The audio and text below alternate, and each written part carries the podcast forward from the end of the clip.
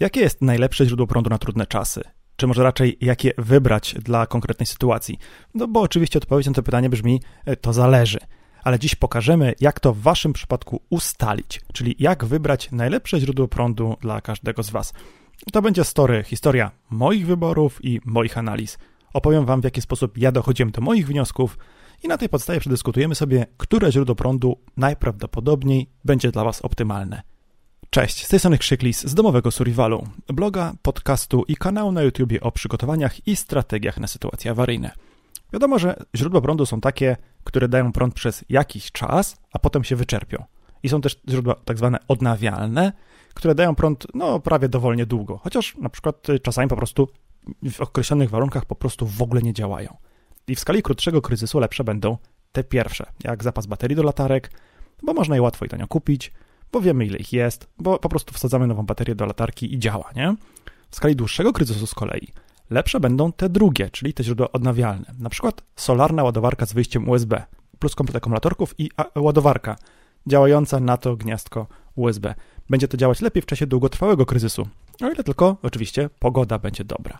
Moją historię będę obficie dokumentować różnymi fotografiami zrobionymi na przestrzeni kilkunastu lat, czyli po prostu urządzeniami, które kupiłem, którymi się bawiłem, więc jeśli słuchasz tego materiału w serwisie z podcastami, to zajrzyj na nasz blog. Tam będą te obrazki. Link powinien być gdzieś w tym odcinku podcastu. Zacznijmy od fotowoltaiki, bo ja też w zasadzie od niej zacząłem. Moja przygoda z, z alternatywnymi, ale też awaryjnymi źródłami prądu, chociaż wtedy nie do końca myślałem o nich w kategorii, że będą to źródła awaryjne, zaczęła się w roku 2006 bardzo krótko po kupieniu przeze mnie samochodu kempingowego. Ja go kupiłem jakoś wiosną, czy tam w, na początku lata, w czerwcu, a już jesienią, jakoś chyba we wrześniu, kupiłem sobie pierwsze takie właśnie awary, alternatywne źródło prądu. Ten kamper miał przyłącze do, do instalacji 230, takie po prostu gniazdko pod taką klapką w burcie i miał taką bardzo rachityczną, szczątkową instalację elektryczną w środku. To znaczy, było to jedno gniazdko 230 i była jeszcze możliwość zasilania absorpcyjnej lodówki. Takiej lodówki, która nie ma kompresora, tylko ma grzałkę, to troszkę inna zasada działania. I ta lodówka mogła działać na prąd, na ten prąd właśnie 230 V, na prąd przemienny 5230, na prąd stały z akumulatora i na gaz. Więc mogłem z tego prądu, y, z tego przyłącza przykład kempingowego, mogłem zasilić jedno gniazdko i lodówkę. Nawet oświetlenie nie działało na te 230 V. Pompka do wody, oświetlenia, to wszystko było podłączone do instalacji 12V a ten samochód miał jeden akumulator, który mi się rozładowywał, czyli odpalenie pompki do wody, bo tam był zlew, y, zapas wody, pompka, nie? Odpalenie pompki, odpalenie lodówki na 12 V i odpalenie oświetlenia rozładowywało akumulator ten rozruchowy, który na postojach się wcale nie ładował, no bo nie miał jak. To znaczy, ta instalacja też nie miała takiego, y, takiej ładowarki, żeby prądem, podłączywszy się do prądu na kempingu, móc ładować ten akumulator. No i to był taki moment, kiedy ja już miałem za sobą parę, mm, parę lat samodzielnych wyjazdów wakacyjnych, bo ja miałem wtedy lat 23. No i już od paru lat jeździłem sobie e, samodzielnie, najczęściej samochodem, gdzieś pod namiot, na, na tydzień, gdzie to zazwyczaj korzystałem z prądu, nie? Brałem prąd, miałem przedłużacz, ciągnąłem sobie ten kabel do, do namiotu, bo przecież trzeba mieć na czym grać na komputerze. Ja zawsze lubię grać na komputerze. No i za ten prąd się zawsze strasznie dużo płaciło na tych polach namiotowych. To był, to był zawsze straszny koszt. Więc chciałem mieć możliwość korzystania z własnego prądu, który de facto przywiozę sobie w kamperze, jakby takiego uniezależnienia się od kosztu tego prądu. No bo ten prąd kilkadziesiąt złotych dziennie teraz kosztuje. No, wtedy kosztował, nie wiem, 20 złotych za przyłącze do prądu, czyli potrafiło być to prawie drugie tyle e, względem opłaty za namiot i za dwóch ludzi. I w 2006 roku zmontowałem sobie taki bardzo, bardzo prosty zestaw z awaryjnym źródłem prądu, w skład którego wchodziły po pierwsze, akumulator kwasowo-ołowiowy o pojemności 45 Ah, czyli będziemy się posługiwać dzisiaj takimi bardziej życiowymi jednostkami kilowatogodzinami. Te 45 Ah razy 12 V to jest mniej więcej pół kilowatogodziny. Był to w ogóle, że było śmiesznie, akumulator od malucha. Jego historia była taka, że on sobie gdzieś tam u kogoś, nie u dziadka, u wujka, gdzieś tam stał sobie przez dobrych kilka lat, uwaga, pusty, suchy. On był kupiony właśnie jako suchy akumulator, bez elektrolitu w środku i trzeba go było, było tylko zalać elektrolitem, a ponieważ wtedy już nikt nie miał malucha w rodzinie, nie było, bo ostatnią osobą, która miała malucha w rodzinie była ja, e, byłem ja, bo kupiłem mm, kampera mając malucha, no to nie było sensu trzymać tego akumulatora dalej na zapas, więc po prostu dostałem go ja, nie? Czyli e, to był taki dobry akumulator, bo darmowy. nie miał dużej pojemności, ale był za darmo. Do tego dokupiłem sobie składany panel fotowoltaiczny, czy może raczej zwijany, bo się go dało zwinąć w rulon i przenosić w takiej formie, nie? On miał takie śmieszne przyłącze z gniazdem samochodowej zapalniczki i miał moc 10 watów P, 10 WP albo PIK. Moc WP albo PIK to jest taka moc szczytowa, którą mm, ten panel osiąga w momencie, w którym na powierzchnię panela trafia promieniowanie słoneczne o mocy 1000 watów na metr kwadrat, na metr kwadratowy. To mniej więcej jest tyle, co jak się pod kątem prostym ustawi y, ten panel fotowoltaiczny do słońca i nie ma chmur. No to jest około 1000. Czyli ten, te 10 watów P, 10 watów, to jest taka maksymalna moc, którą ten panel mógł po pierwsze wytworzyć, um, kiedy właśnie było odpowiednie nasłonecznienie, a po drugie, którą to moc mogłem od tego panela odebrać. No bo panel pracuje przy jakimś określonym napięciu i czasami jak jest podłączony pod um, naładowany akumulator, no to nie, nie dawał tych 10 watów, tylko dawał mniej. A jak ten akumulator był rozładowany, to dawał więcej. I, I ten panel był strasznie drogi, bo kosztował wtedy, słuchajcie, 150 dolarów, nie? 15 dolarów za, za wat. To dziś to jest kilka złotych za wat. A wtedy było 15 dolarów. No to było dwa, prawie 20 lat temu, 16 lat temu. Y, kupiłem sobie do tego też prosty regulator ładowania, czyli takie urządzonko, które się podpina do akumulatora, podpina się do niego panel fotowoltaiczny i ewentualnie jakiś odbiornik, jakieś obciążenie. I to jest po to, żeby panel był rozłączany w nocy, kiedy nie ma słońca, żeby akumulator się nie rozładowywał. Bo jak nie ma słońca, to niewielki prąd będzie płynąć przez panel, rozładowując akumulator. No więc po to się ten regulator kupuje. Mm, I on też ma za zadanie odłączyć odbiornik w momencie, w którym napięcie w akumulatorze spadnie za bardzo. Obciążeniem była tylko jedna taka malutka żaróweczka LED od domowej instalacji halogenowej albo od samochodu, y, od malucha, bo kiedyś eksperymentowałem z żarówkami LED to znaczy z lampami LED stanowiącymi alternatywy dla żarówek samochodowych, bo to ktoś mi kiedyś tłumaczył i na pewno, na pewno ktoś mi zwrócił uwagę teraz, jak powiem, że to jest żarówka LED. Nie, to jest lampa LED. Żarówka to się musi żarzyć. Nieważne, w każdym razie była tam jakaś lampeczka LED, LEDowa na 12 V, jakieś tam kable, złączki mm, i pamiętam, że podłączałem to wszystko do tego panela przez jakąś taką gównianą, tanią wtyczkę kupioną na Allegro y, do gniazda zapalniczki za jakieś śmieszne parę złotych, która mi się ta wtyczka ciągle odlutowywała od kabla. No ale tak to zrobiłem, tak to miałem, nie? I, I ten panel ja wtedy mogłem położyć w różnych miejscach stosownie do potrzeb. Na przykład przypinałem go za pomocą przyssawki do bocznego okna od wewnątrz. Hmm, czyli jak samochód stał mm, jakby tym oknem w stronę południową, czy może nawet lepiej zachodnią, no bo to okno było pod w sumie dużym kątem, albo zimą na południe, to to działało świetnie. Um, mogłem go też położyć na przykład na przednią szybę, albo od wewnątrz przedniej szyby jakoś tam zamocować, jeśli samochód stał przodem na południe. No ten panel oczywiście nie dawał dużo prądu, no bo to słuchajcie, dziś to składane ładowarki solarne mają większą moc. Podobne, składane ładowarki o podobnej powierzchni, jak się rozłoży, nie? Mają większą moc. No ale trochę pomagał utrzymać ten samochodowy akumulator w dobrej kondycji, bo mogłem go też podłączyć do ładowania na akumulator rozruchowego, żeby na przykład zimą, jak nie korzystałem przez parę tygodni samochodu, a były słoneczne dni, to żeby tam się trochę podładowywało i chyba tak zraz, zraz tak zrobiłem. I od tego momentu zaczęła się moja nomen omen faza na instalacje fotowoltaiczne i ona w zasadzie nie minęła mi do dzisiaj. Muszę przyznać, że taki zestaw ma swoje racje bytu nawet w 2022. E, technika poszła bardzo daleko do przodu, mm, ale układ właśnie z akumulatorem, sterownikiem, jakimiś odbiornikami i, i z, którego sercem będzie akumulator, ma sens nawet dzisiaj. To jest jedno z najlepszych rozwiązań na trudne czasy, takie, takie powiedziałbym nawet serce naszej strategii e, zaopatrzenia się w prąd w sytuacjach awaryjnych. I później, kiedy panele fotowoltaiczne trochę staniały, to sobie dokupiłem dwie baterie słoneczne o mocy 40 W P. 40 watów pik, to o mocy szczytowej 40 watów każda. O ile dobrze pamiętam, to było jakieś 390, 450, coś koło 400 zł za sztukę, bo wychodziło tam koło 10 zł za, za wat, 10 czy 11 zł za wat. No i słuchajcie, teraz, o ile dobrze widzę, dziś mm, za 480 zł to można kupić panele fot, fotowoltaiczne, za 480, czy podobne pieniądze, panele o mocy 180 watów, o mocy ponad 4 razy większej. I to z gotowymi konektorami, takimi, co się podłącza do instalacji, a, a do tamtych musiałem sam lutować kable, co oczywiście zrobiłem, ale, ale musiałem. No i w opisie pod filmem, ale w, także w, tej, w, tekstowej, w tekstowej wersji tego materiału znajdziecie linka reklamowego do Allegro i tam właśnie jest pokazane, co można kupić w, między 400 a 500 zł za te pieniądze.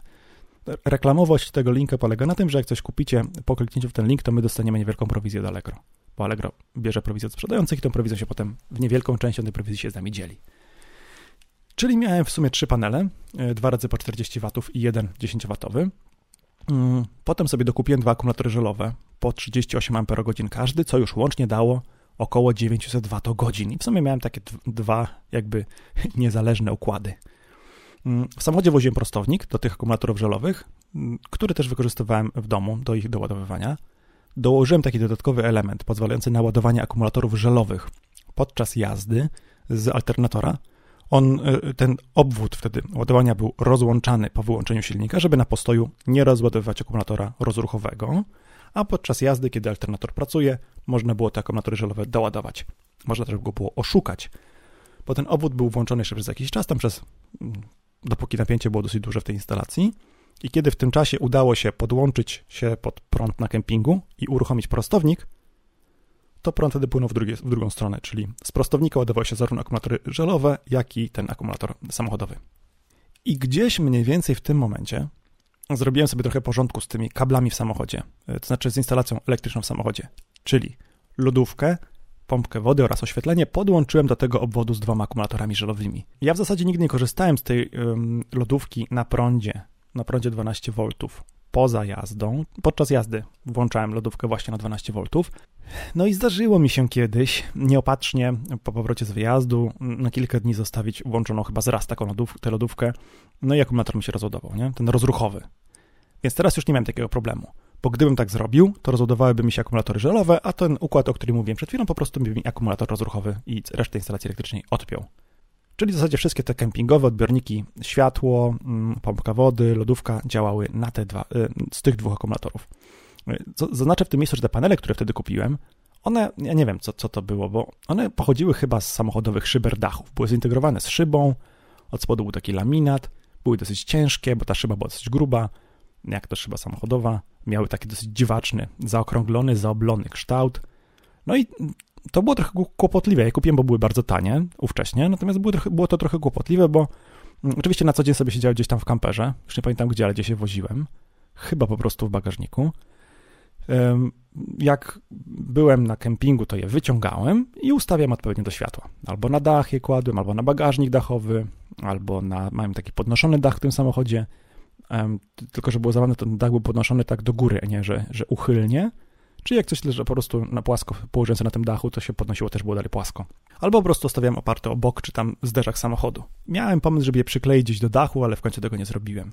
No, także miałem, miałem te dwa akumulatory, mm, te dwa panele fotowoltaiczne. Mm, dosyć dużym utrudnieniem wtedy były dla mnie te akumulatory żelowe, które, jak mi powiedziało, powiedzieli sprzedawcy na Allegro, o których kupiłem, trzeba było co roku na zimę zabierać do domu, bo nie lubią zimna. No i w domu wtedy używałem te, te, te, tej ładowarki do akumulatorów żelowych, żeby je tam jakoś utrzymać w dobrej formie. I de facto to był mój wtedy pierwszy domowy zapas prądu. I w zasadzie do szczęścia brakowało mi wtedy tylko jeszcze jednego drobiazgu. Przetwornicy 12 na 230 falownika, żeby móc sobie w jakiś sposób zasilić laptop. Oczywiście mogą kupić mm, samochodowy zasilacz do laptopa, ale uznałem, że kupię przetwornicę bo przetwornica pozwoli mi zasilić nie tylko ten konkretnie jeden laptop, tylko też laptopy inne w przyszłości. Kupiłem jakąś tam 300-watową przetwornicę. Nawet wtedy nie wiedziałem jeszcze, że, że, trzeba zwracać uwagę na to, czy nadaje pełny sinus, czy jakiś gówniany sinus, czy sinusoidę modyfikowaną, czyli po prostu coś, co nie jest sinusem. No nie wiedziałem. Kupiłem, co, co mi się wydawało słuszne. Kupiłem, działało. Używałem, wszystko było fajnie. I uznałem w tym momencie, to był akurat właśnie początek tych moich zainteresowań przygotowaniami na sytuacje awaryjne, i w tym momencie uznałem, że mam już do pewnego stopnia ogarnięte awaryjne źródło prądu na trudne czasy. W ogóle wtedy uważałem, że jakieś krótkie kryzysy przetrwam samochodem kempingowym, czy w samochodzie kempingowym. Będę sobie na działkę najwyżej, tam będę siedział, nie? No bo miałem tam i, i lodówkę, i kuchenkę, i, i niewielki zapas wody, chociaż oczywiście ten zapas wody tylko w ciepłym półroczu, nie? Miałem tam schronienie, miałem tam jakiś zapas żywności, jakieś, jakąś pościel, w sensie śpiwory, prześcieradło, poszewki, poduszki, jak, jakieś ciuchy też tam były, więc w ostateczności mógłbym z niego skorzystać. Gdyby się trzeba było ewakuować z domu, to po prostu zabrałbym ważne rzeczy i jechałbym sobie gdzieś samochodem. Mm, tylko była taka jedna wada, bo poza silnikiem ten samochód nie miał żadnego dodatkowego ogrzewania postojowego. Chyba, że farelkę bym sobie podłączył, ale chyba wtedy jeszcze nie miałem farelki w samochodzie. Wspomnę o tej lodówce, no nie? No bo lodówka to jest takie podstawowe, jedno z podstawowych urządzeń, które chcemy zasilać, kiedy nie ma prądu. Nie ma prądu, no to musimy zasilać lodówkę. I tu w samochodzie miałem lodówkę. Jak wspomniałem, ona może działać na e, prądzie przemiennym, na prądzie stałym, bo ma dwie różne grzałki, a także na gazie z butli. I podczas jazdy używałem na prądzie 12 V z instalacji samochodowej, na kempingu na prądzie przemiennym. A jak nie było możliwości podłączenia się do prądu, no to na gazie. Dlaczego na kempingu z prądu? No bo jak już płaciłem za przyłącze e, elektryczne, no to po co było marnować gaz? Bez sensu, nie? I dzięki tej możliwości nie musiałem kombinować, nie musiałem wymyślać metody na zasilenie, alternaty- na zasilenie jakimś awaryjnym źródłem mojej domowej lodówki, no bo miałem lodówkę zasilaną awaryjnie w samochodzie. W razie czego te najważniejsze rzeczy przeniósłbym do tej samochodowej lodówki i tam po prostu odpaliłbym ten palnik gazowy. Jakby to długo działało, to nie wiem, no ale na pewno na jakiś czas by wystarczało. I to jest dobry moment, żeby zwrócić uwagę na taki bardzo ważny aspekt, kiedy się mm, dobiera instalację, czy próbuje się szukać optymalnego awaryjnego źródła do domu. To bardzo ważne jest, że musimy dostosować je do naszego zapotrzebowania na prąd. No jak mamy, potrzebujemy 10 kW, to potrzebujemy kupić agregat, który ma moc 10 kW z jakimś zapasem, nie? Jak potrzebujemy 3 kW, to kupujemy agregat, który ma 3 kW. Albo panele fotowoltaiczne, które mogą wytworzyć odpowiednią ilość prądu, mm, przeskalowane do, do, do tego zapotrzebowania. Tylko niemal zawsze najłatwiej jest po prostu zrezygnować z użycia prądu w jakimś konkretnym urządzeniu, poszukać alternatywy, mm, zastąpić światło świecami albo latarkami, niż y, zrobić takie źródło, które pozwoli zasilić wszystkie światła w domu. Tylko niektóre urządzenia elektryczne nie mają żadnej alternatywy i to właśnie na zasilaniu tych urządzeń trzeba się skupić. Ja wtedy mieszkałem w bloku, w którym nie było gazu ziemnego, no więc mieliśmy kuchenkę na prąd elektryczną i to nawet nie była kuchenka indukcyjna, tylko taka kuchenka z takimi starymi brązowymi, brzydkimi, zwykłymi fajerkami. No i oczywiście mogłem kombinować, jakim to agregatem prądotwórczym zasilić tę kuchenkę w razie braku prądu. Mm, jaki agregat kupić, jak go podłączyć. Nie pamiętam, czy to było wtedy przełącze e, trójfazowe do tej kuchenki, bo mm, ja się tam wprowadziłem, jak ta kuchenka już była. No ale powiedzmy, że mógłbym kupić agregat, postawić go na balkonie i jakimś tam kablem sobie pociągnąć, nie? Ale po co, skoro miałem kuchenkę gazową w kamperze, stojącym na parkingu strzeżonym niedaleko od, od mieszkania. W razie potrzeby mogłem przestawić go prawie pod, pod blok. Czyli jakbym potrzebował zagotować w czymś wodę, to mogłem sobie zagotować wodę, nie wiem, na kąpiel dla dziecka. Znaczy, moje dziecko się urodziło parę lat później. Pierwsze moje dziecko urodziło się parę lat później, ale um, no, wiecie o co chodzi. Do, do, do kąpieli dla siebie, do zrobienia obiadu mogłem zagotować coś na kuchence gazowej w kamperze, bo miałem tam kuchenkę gazową i zapas gazu. I to wszystko sobie działało bardzo dobrze do momentu, gdy moja ówczesna osoba partnerska podłączyła do tej 300-watowej przetwornicy 2-kilowatową suszarkę do włosów na jakimś wyjeździe, nie? I żeby było śmieszniej, czy, czy mniej śmiesznie, to to było w czasie jakiegoś wyjazdu, kiedy nie miałem akurat, nie mieliśmy akurat dostępu do prądu przemiennego, bo po prostu nie było tam możliwości podłączenia się.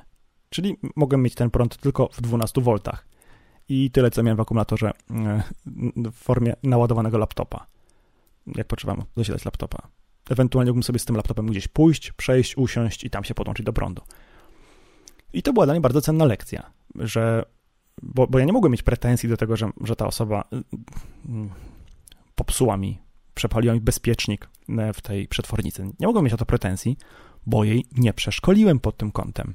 Nie pokazałem, jak się z tego korzysta. Znaczy, no, pewnie podpatrzyła, że tu się wpina, tu się przełącza, może nawet pokazałem, ale nie wyjaśniłem, jakie są ograniczenia, że trzeba najpierw włączyć, a potem podłączyć urządzenie, dopiero później urządzenie włączyć że jest ograniczenie mocy, że czegoś, co ma większą moc, nie można podłączać. Po prostu, no, to był mój błąd, nie przeszkoliłem i pretensje mogłem mieć wyłącznie do samego siebie. To była, to była dla mnie bardzo cenna lekcja, którą pamiętam do dziś, że przygotowując coś na trudne czasy, musimy zadbać o przeszkolenie osób, które będą z tego później w razie czego korzystać.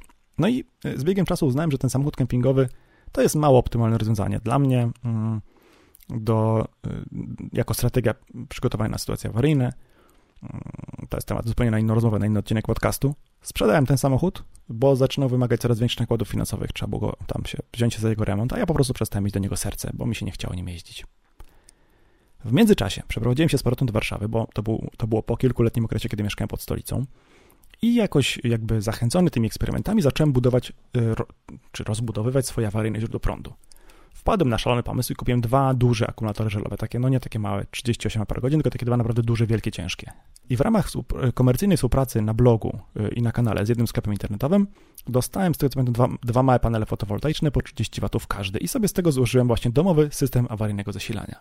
Czyli miałem podobny y, ten układ jak wtedy w kamperze, tylko z innymi urządzeniami. Mm, I gdzieś w tym momencie też kupiłem sobie, albo trochę wcześniej, trochę później, nie ma to większego znaczenia, ale gdzieś w tej okolicy kupiłem sobie taką stację ładowania, e, zasilania rozruchową. To, to też było kiedyś recenzowane na e, na blogu, więc jak nie zapomnę, to do opisu pod filmem wsadzę, wsadzę linkę do tego, do tego miejsca. To była taka, taka pomarańczowa obudowa plastikowa. W środku był akumulator żelowy o niewielkiej pojemności, mm, przetwornica 12 na 230 kompresor, y, tam parę gniazd zapalniczek, do, do zapalniczek, jakieś kable do podłączenia do samochodowego akumulatora, bo to mogło służyć do odpalania samochodowego akumulatora, kiedy się rozładuje, chociaż wątpię, bo akumulator żelowy to nigdy nie daje odpowiedniej ilości prądu do rozruchu, do, do napędu rozrusznika, no ale tak to było sprzedawane, ja sobie to kupiłem i korzystałem.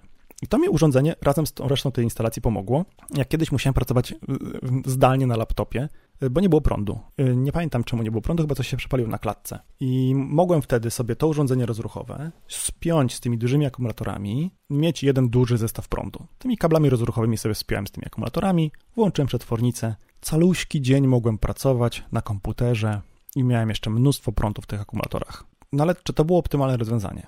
Czy akumulator AGM, bo to było takie, takie sobie, nie, nie żelowe, tylko AGM sobie kupiłem, który miał ponad 1 kWh prądu, który tymi panelami fotowoltaicznymi o mocy 60 W ładowałbym przez kilka dni od zera. Czy taki akumulator był dobrym rozwiązaniem? Zanim o tym więcej, to chwila przerwy na reklamę. Jeśli słuchasz naszych podcastów w telefonie, rozważ korzystanie z aplikacji fountain.fm. Za jej pomocą możesz słuchać swoich ulubionych podcastów i zarabiać na tym pieniądze w formie kryptowalut, które możesz wykorzystać na przykład do wspierania twórców, swoich ulubionych twórców. W opisie pod filmem i w wersji tekstowej tego materiału jest link. Kliknij w ten link, skopiuj widoczny na następnym ekranie kod zaproszenia, zainstaluj aplikację w telefonie, mm, to jest e, aplikacja na iPhony i Androidy i przy zakładaniu konta wklej ten kod.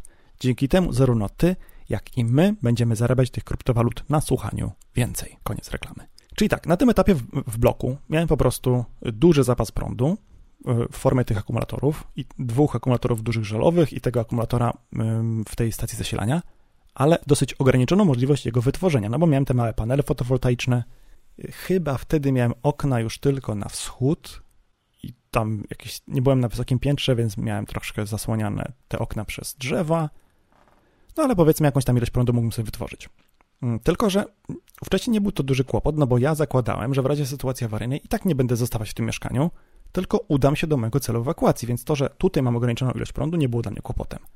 Y, po drodze jeszcze testowałem kilka składanych paneli fotowoltaicznych, mm, takich, że się składa do mniejszej wielkości, jak potrzeba korzystać, to się rozkłada. Największy to miał chyba moc 200 watów, olbrzymie urządzenie o bardzo, bardzo dużej wydajności, no bo 200 watów, nie? Ale miałem też mniejsze zestawy do ładowania przez USB, to, takie mniejsze zestawy z gniazdkami USB, no bo ten duży to nie tylko miał gniazdo USB, ale mógł też być podłączony do samochodowej instalacji, czy do właśnie takiej instalacji e, opartej na akumulatorach 12V.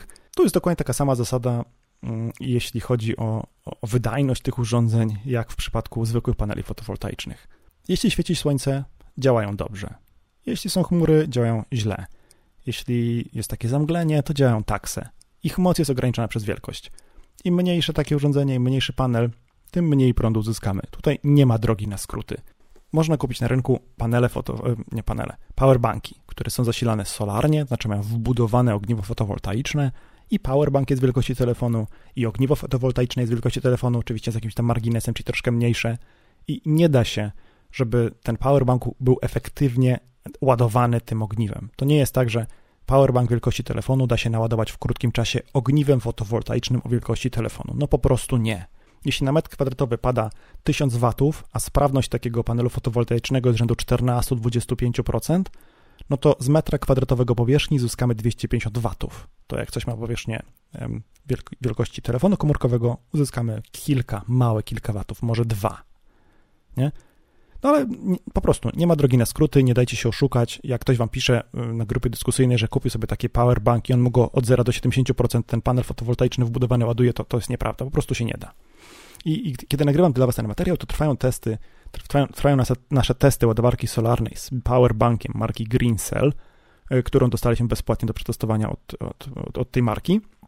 No i jak skończymy, to, to się to pojawi, ta recenzja u nas na kanale i na blogu. Y, Panele tego typu, te składane panele mm, takie turystyczne, nazwijmy to survivalowe, są zazwyczaj niezbyt drogie.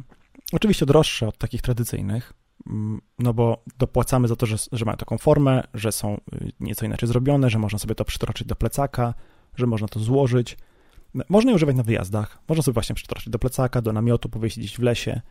więc przydają się nie tylko w trudnych czasach, lecz także w turystyce, czyli to jest y, tak, takie najlepsze podejście, żeby kupować coś nie tylko służącego w sytuacjach awaryjnych, lecz także służącego na co dzień y, w, w, podczas rzeczy, które robimy często, czyli właśnie na przykład wyjazdów, nie?